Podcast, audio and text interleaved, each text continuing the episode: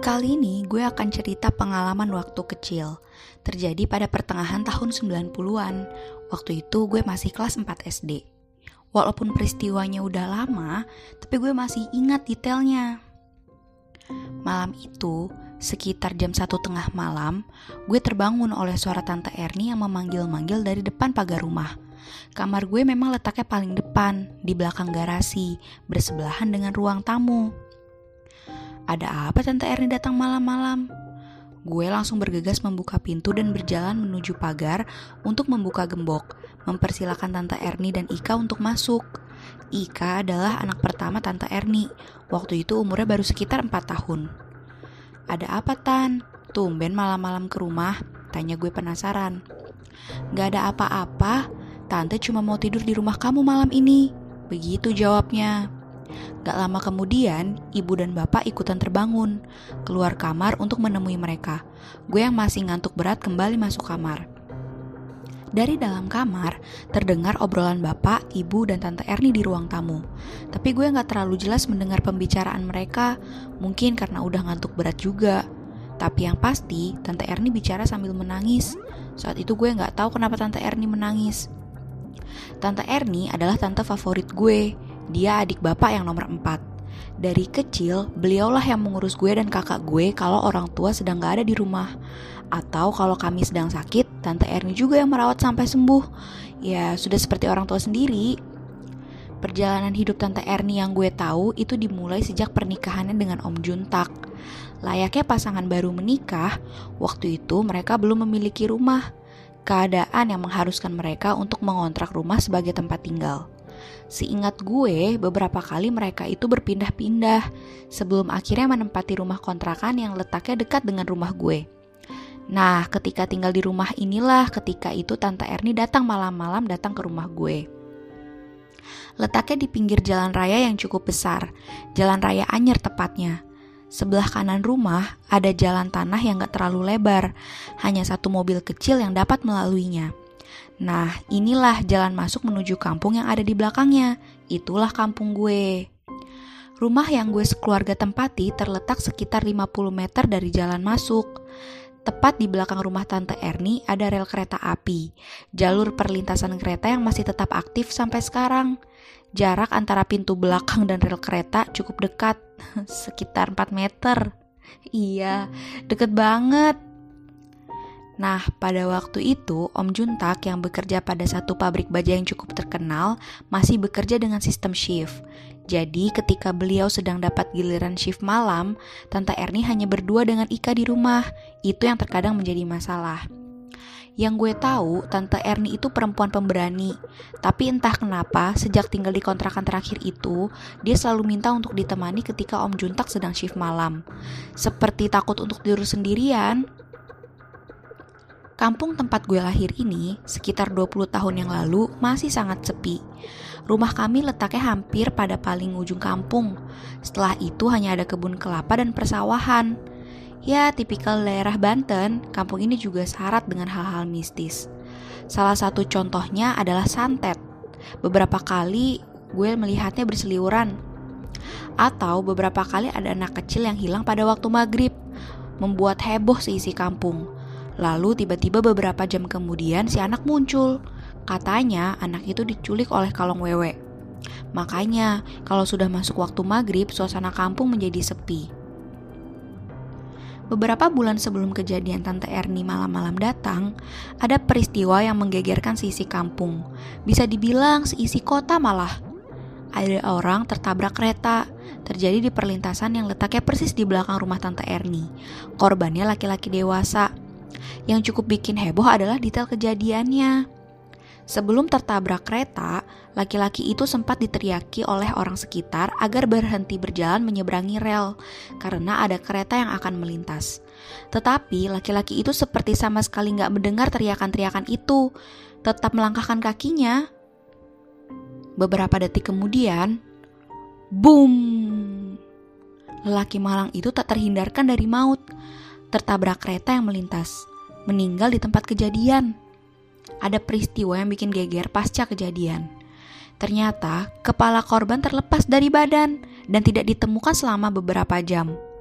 Cukup lama waktu yang dibutuhkan untuk menemukan kepalanya. Peristiwa tertabraknya terjadi sekitar jam 1 siang. Warga baru menemukan kepalanya pada sore hari, menjelang maghrib. Coba, kalian bisa tebak nggak di mana kepalanya ditemukan? Kepalanya ditemukan di atap rumah Tante Erni. Itulah kenapa cukup lama baru ditemukan, karena nggak ada yang berpikir kalau kepala korban bisa terlempar dan nyangkut di atas atap. Walaupun hanya bisa muat oleh satu mobil aja, jalan yang ada di sebelah rumah Tante Erni memang cukup ramai untuk ukuran jalan kampung. Banyak orang lalu lalang setiap harinya, yang otomatis harus juga menyeberang rel kereta api yang tanpa palang pintu dan petugas penjaga. Hmm, iya, rel kereta api itu tanpa palang pintu dan gak ada petugas yang menjaganya. Jadi setiap orang atau kendaraan harus berhati-hati untuk melewatinya. Mungkin karena itulah setiap beberapa tahun sekali selalu aja ada korban meninggal tertabak kereta di tempat itu. Pak Rusdi adalah seorang penjaga malam di kampung gue waktu itu. Dia bertugas berkeliling kampung melaksanakan siskamling setiap malamnya. Waktu itu umurnya sekitar 50 tahun. Beliau orang yang menyenangkan, sangat suka berbincang dengan para penduduk kampung. Dia juga sering mampir ke rumah untuk sekedar ngobrol dengan bapak mereka bisa berbincang di teras depan. Kebetulan, tepat di belakang teras itu adalah kamar gue, hanya terhalang tembok dan jendela yang sering dalam keadaan terbuka. Hingga pada suatu malam, gak lama setelah peristiwa ada yang tertabrak, Pak Rusti berbincang dengan bapak di teras depan rumah. Ada satu obrolan mereka yang sangat menarik perhatian gue. Ketika Pak Rusdi bilang, pada tengah malam kemarin ketika siskamling, saya melihat ada orang berjalan kaki dari belakang kampung ke arah depan menuju rel kereta. Berjalan melewati pos kamling tempat saya duduk untuk beristirahat sebentar. Loh, lalu apa yang aneh pak? Tanya bapak gue. Lalu Pak Rusdi menjawab, yang aneh adalah orang itu berjalan kaki tapi tanpa kepala. Berjalan lewat persis depan saya saya nggak berani melakukan apa-apa, cuma diam dan memperhatikan. Dan orang tanpa kepala itu berjalan menuju rel kereta api. Saya ketakutan, gemetar, sangat seram pemandangannya. Saya nggak melakukan apa-apa, cuma bisa mengatur nafas setelah kaget dengan peristiwa yang baru aja terjadi. Saya hanya tetap duduk di pos kamling, Pos kampeling tempat Pak Rusdi duduk beristirahat letaknya di samping kanan rumah gue. Bangunan semi permanen berbentuk rumah panggung kecil berbahan dasar bambu dan anyaman. Tapi itu ternyata belum selesai pak. Lanjut Pak Rusdi. Cerita Pak Rusdi membuat gue semakin mendekatkan telinga ke jendela agar lebih jelas mendengarkan. Berdegup kencang jantung gue mendengarnya. Lalu Pak Rusdi melanjutkan ceritanya. Setelah itu, sekitar 30 menit kemudian, suasana yang sudah hening dan sepi tiba-tiba menjadi bertambah sepi dan mencekam. Angin dingin mulai bertiup pelan. Badan saya tiba-tiba merinding lagi, bulu kuduk berdiri. Yang biasanya sesekali saya melihat ada warga kampung yang melintas, kali ini gak ada sama sekali. Benar-benar sepi dan kosong, seperti kampung yang gak berpenghuni. Perasaan saya mengatakan kalau sebentar lagi akan ada sesuatu yang akan terjadi. Perasaan jadi semakin gak enak. Padahal rasa takut ketika melihat ada orang berjalan tanpa kepala sebelumnya masih terasa. Saya masih shock. Dan benar aja, dalam suasana yang semakin mencekam itu, saya melihat sesuatu dari kejauhan. Sesuatu yang berbentuk manusia, berjalan dari arah rel kereta menuju pos kambling tempat saya duduk. Orang itu berjalan perlahan. Yang tadinya hanya terlihat berbentuk bayangan hitam dari kejauhan, lambat laut semakin terasa jelas. Karena jaraknya semakin dekat dengan tempat saya duduk. Ketika sudah cukup dekat jaraknya, barulah terlihat cukup jelas penampilan orang itu. Ternyata orang yang sama dengan yang saya lihat beberapa saat sebelumnya. Dengan tampilan yang sama, sangat menyeramkan. Kali kedua ini pun orang ini tetap berjalan tanpa kepala. Lehernya terlihat ada cucuran darah mengalir, membasahi pakaian yang masih menempel pada tubuhnya. Ketika sudah benar-benar melintas tepat di hadapan, saya melihat dia membawa sesuatu di tangannya. Dia membawa apa di tangan kanannya, Pak? Tanya bapak gue penasaran. Gue yang tetap mendengarkan dari balik jendela juga ikut makin penasaran. Dia membawa songgok kepala. Saya berkesimpulan itu adalah kepalanya sendiri. Lanjut Pak Rusdi. Itulah pertama kalinya gue mendengar cerita tentang hantu tanpa kepala dari narasumbernya langsung. Hari-hari berikutnya, cerita itu cepat tersebar ke seluruh penjuru kampung, membuat banyak penduduk gak berani keluar kalau hari sudah gelap. Apalagi untuk berjalan melewati perlintasan rel kereta api pada malam hari. Gak ada yang berani, kecuali kalau terpaksa. Sore itu, gue dan kakak sedang duduk depan TV karena Tante Erni datang ke rumah. Lalu Tante Erni bicara kepada ibu. Kak, kalau boleh nanti malam Cici atau Caca menginap di rumah aku ya. Kak Junta kerja malam. Lalu kakakku langsung bilang, Caca aja ya Tan, aku ada ulangan besok pagi. Dan gue pun gak bisa mengelak dengan berat hati. Sebelumnya, gue belum pernah bermalam di rumah Tante Erni sendirian. Biasanya ditemani kakak kalau kakak sudah pernah sendirian beberapa kali malah. Lalu kakak tiba-tiba berbicara kepada gue dengan setengah berbisik. Nanti di rumah Tante Erni jangan tidur malam-malam ya, Cak. Usahakan jam 9 udah tidur. Lalu gue tanya dong karena penasaran. Emang kenapa, Kak? Udah, nurut aja. Pokoknya jangan tidur terlalu malam. Begitulah kata kakak. Gue masih penasaran, karena kakak serius banget bicaranya. Jarang-jarang banget dia seperti itu.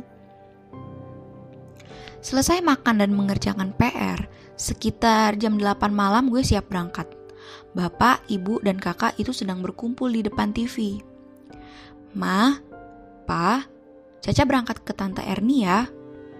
Begitu pamit gue. Bapak wanti-wanti agar gue hati-hati ketika menyeberang rel kereta. Pastikan sedang gak ada kereta yang melintas. Ibu hanya berpesan agar jangan tidur malam-malam, karena besok pagi gue harus sekolah. Kalau kakak, dia bilang begini, jangan tidur larut malam, jam 9 harus sudah tidur. Kalau bisa, jangan tidur di kamar belakang. Lalu dalam hati gue bergumam, ah ada apa sih nih kakak, kok kayak gitu? Ya sudahlah, akhirnya gue berangkat. Tante Erni membuka pintu ketika gue mengetuk pintu rumahnya, lalu mempersilahkan masuk. Rumah Tante Erni ini adalah rumah petak yang memanjang, gak terlalu besar. Paling depan ada ruang tamu, terdapat sofa dan meja segi empat di tengahnya. Ada TV juga di ujung ruangan. Ada lorong panjang pada sisi rumah. Di sebelah kanan terletak dua kamar yang bersebelahan, kamar depan dan kamar belakang. Hanya ada dua kamar itu aja di dalam rumah. Di belakang ada dapur dan kamar mandi. Di paling ujung ada pintu belakang yang apabila kita membukanya langsung itu berhadapan dengan rel perlintasan kereta, hanya berjarak sekitar 4 meter. Lalu Tante Erni bicara. Cak, tidur di kamar depan aja ya. Sudah Tante beresin tuh, biar Tante sama Ika tidur di kamar belakang. Oh, iya Tante. Kebetulan, Gumam gue dalam hati, gue ingat nih omongan kakak.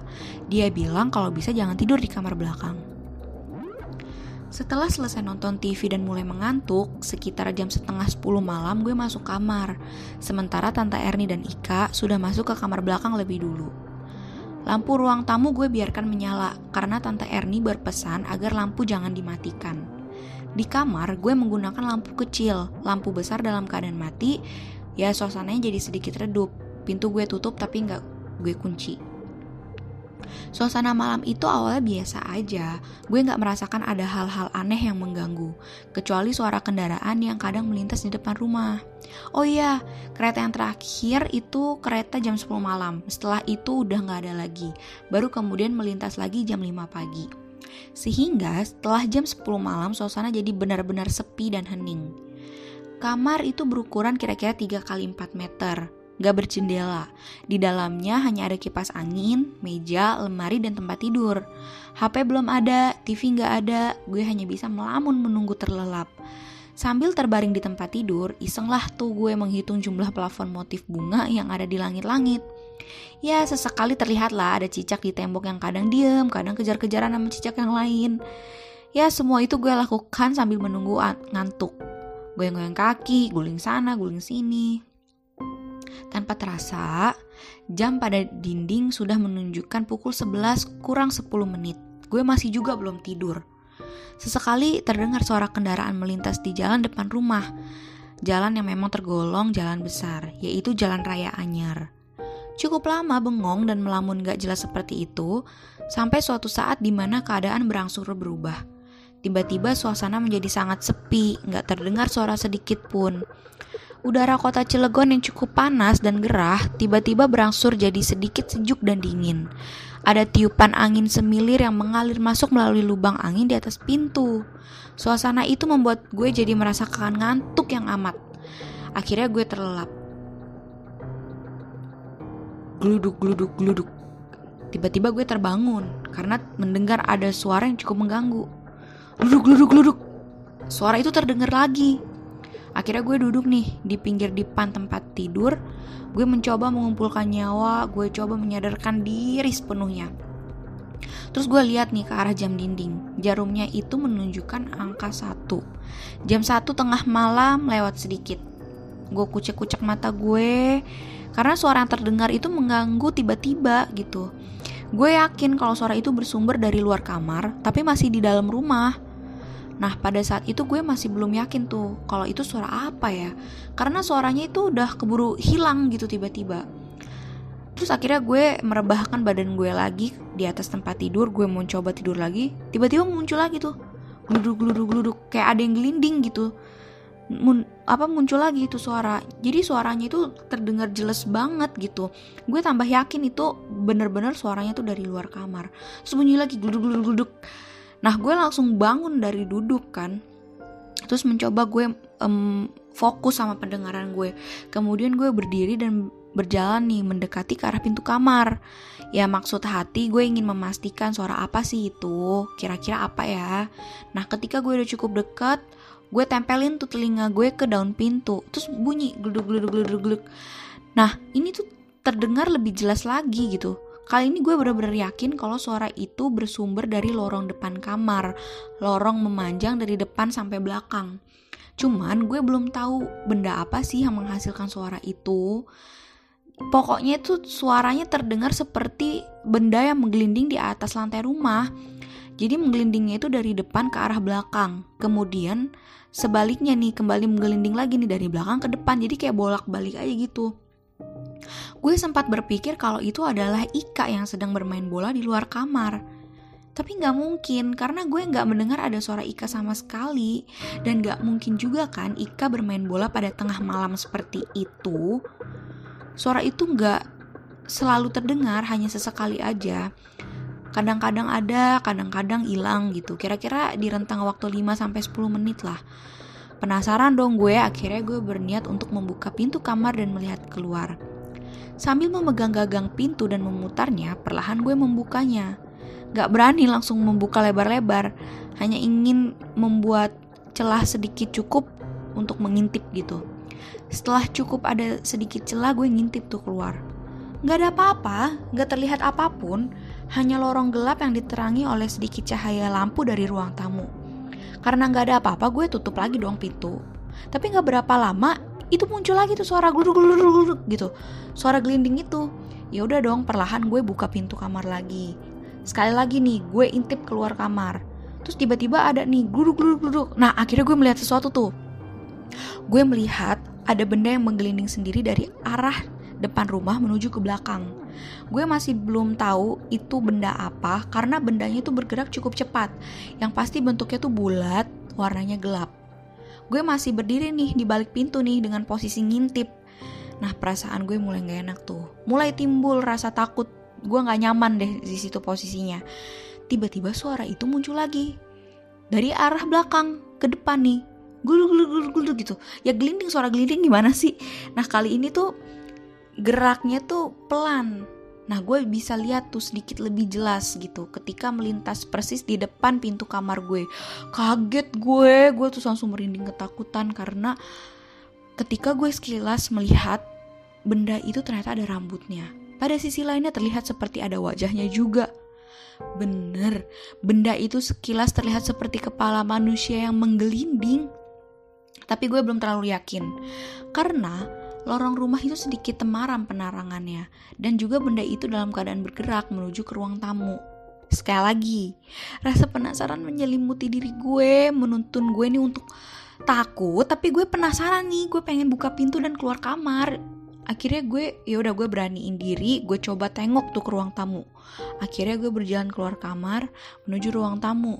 Hanya beberapa langkah, ketika sudah terlihat sebagian ruang tamu gue langsung berhenti badan gue kaku gue nggak bisa bergerak kaki gue berat banget untuk melangkah bulu kuduk gue udah berdiri semua tulang-tulang gue aduh rasanya lemes banget ya udah kayak lepas dari engsel-engselnya gitu semua itu terjadi karena dari tempat gue berdiri gue melihat ada laki-laki sedang duduk di sofa ruang tamu. Laki-laki itu duduk tanpa kepala, menggunakan kemeja lengan panjang berwarna gelap, celana panjang lusuh berwarna agak terang, dengan noda darah yang ada di beberapa tempat. Kepalanya di mana? Ternyata gue lihat kepalanya ada di bawah pintu, pintu depan, tepat di samping tubuhnya yang sedang duduk di sofa dengan posisi wajah menghadap ke arah gue. Jadi tuh kepala ada di bawah, nggak nempel sama badannya. Terus tuh kepala ngadep ke gue. Terus tiba-tiba itu kepala tuh senyum ke gue. Gue paksa mata gue untuk terpejam. Gue gak berani untuk melihat pemandangan itu. Gue bener-bener hampir pingsan. Perlahan gue paksa kaki gue untuk melangkah mundur ke kamar belakang tempat tante Erni tidur.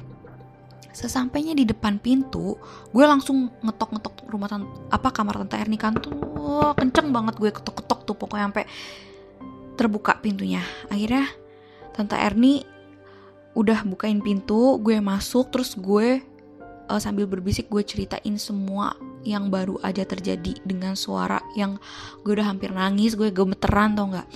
Akhirnya gue lihat nih tante Erni tuh kayak tenang-tenang aja gitu terus kemudian dia bangunin Ika kan. Akhirnya kami bertiga itu pergi keluar rumah lewat pintu belakang pergi menuju rumah gue. Nah selama perjalanan gue sama tante Erni tuh nggak berani menoleh ke belakang. Akhirnya kami bertiga malam itu pindah deh akhirnya tidur di kamar gue, di rumah gue sampai pagi. Udah gitu, jadi nggak ada yang berani balik ke rumah tante Erni lagi sampai pagi. Nah gitu deh, gengs, uh, cerita seram gue kali ini.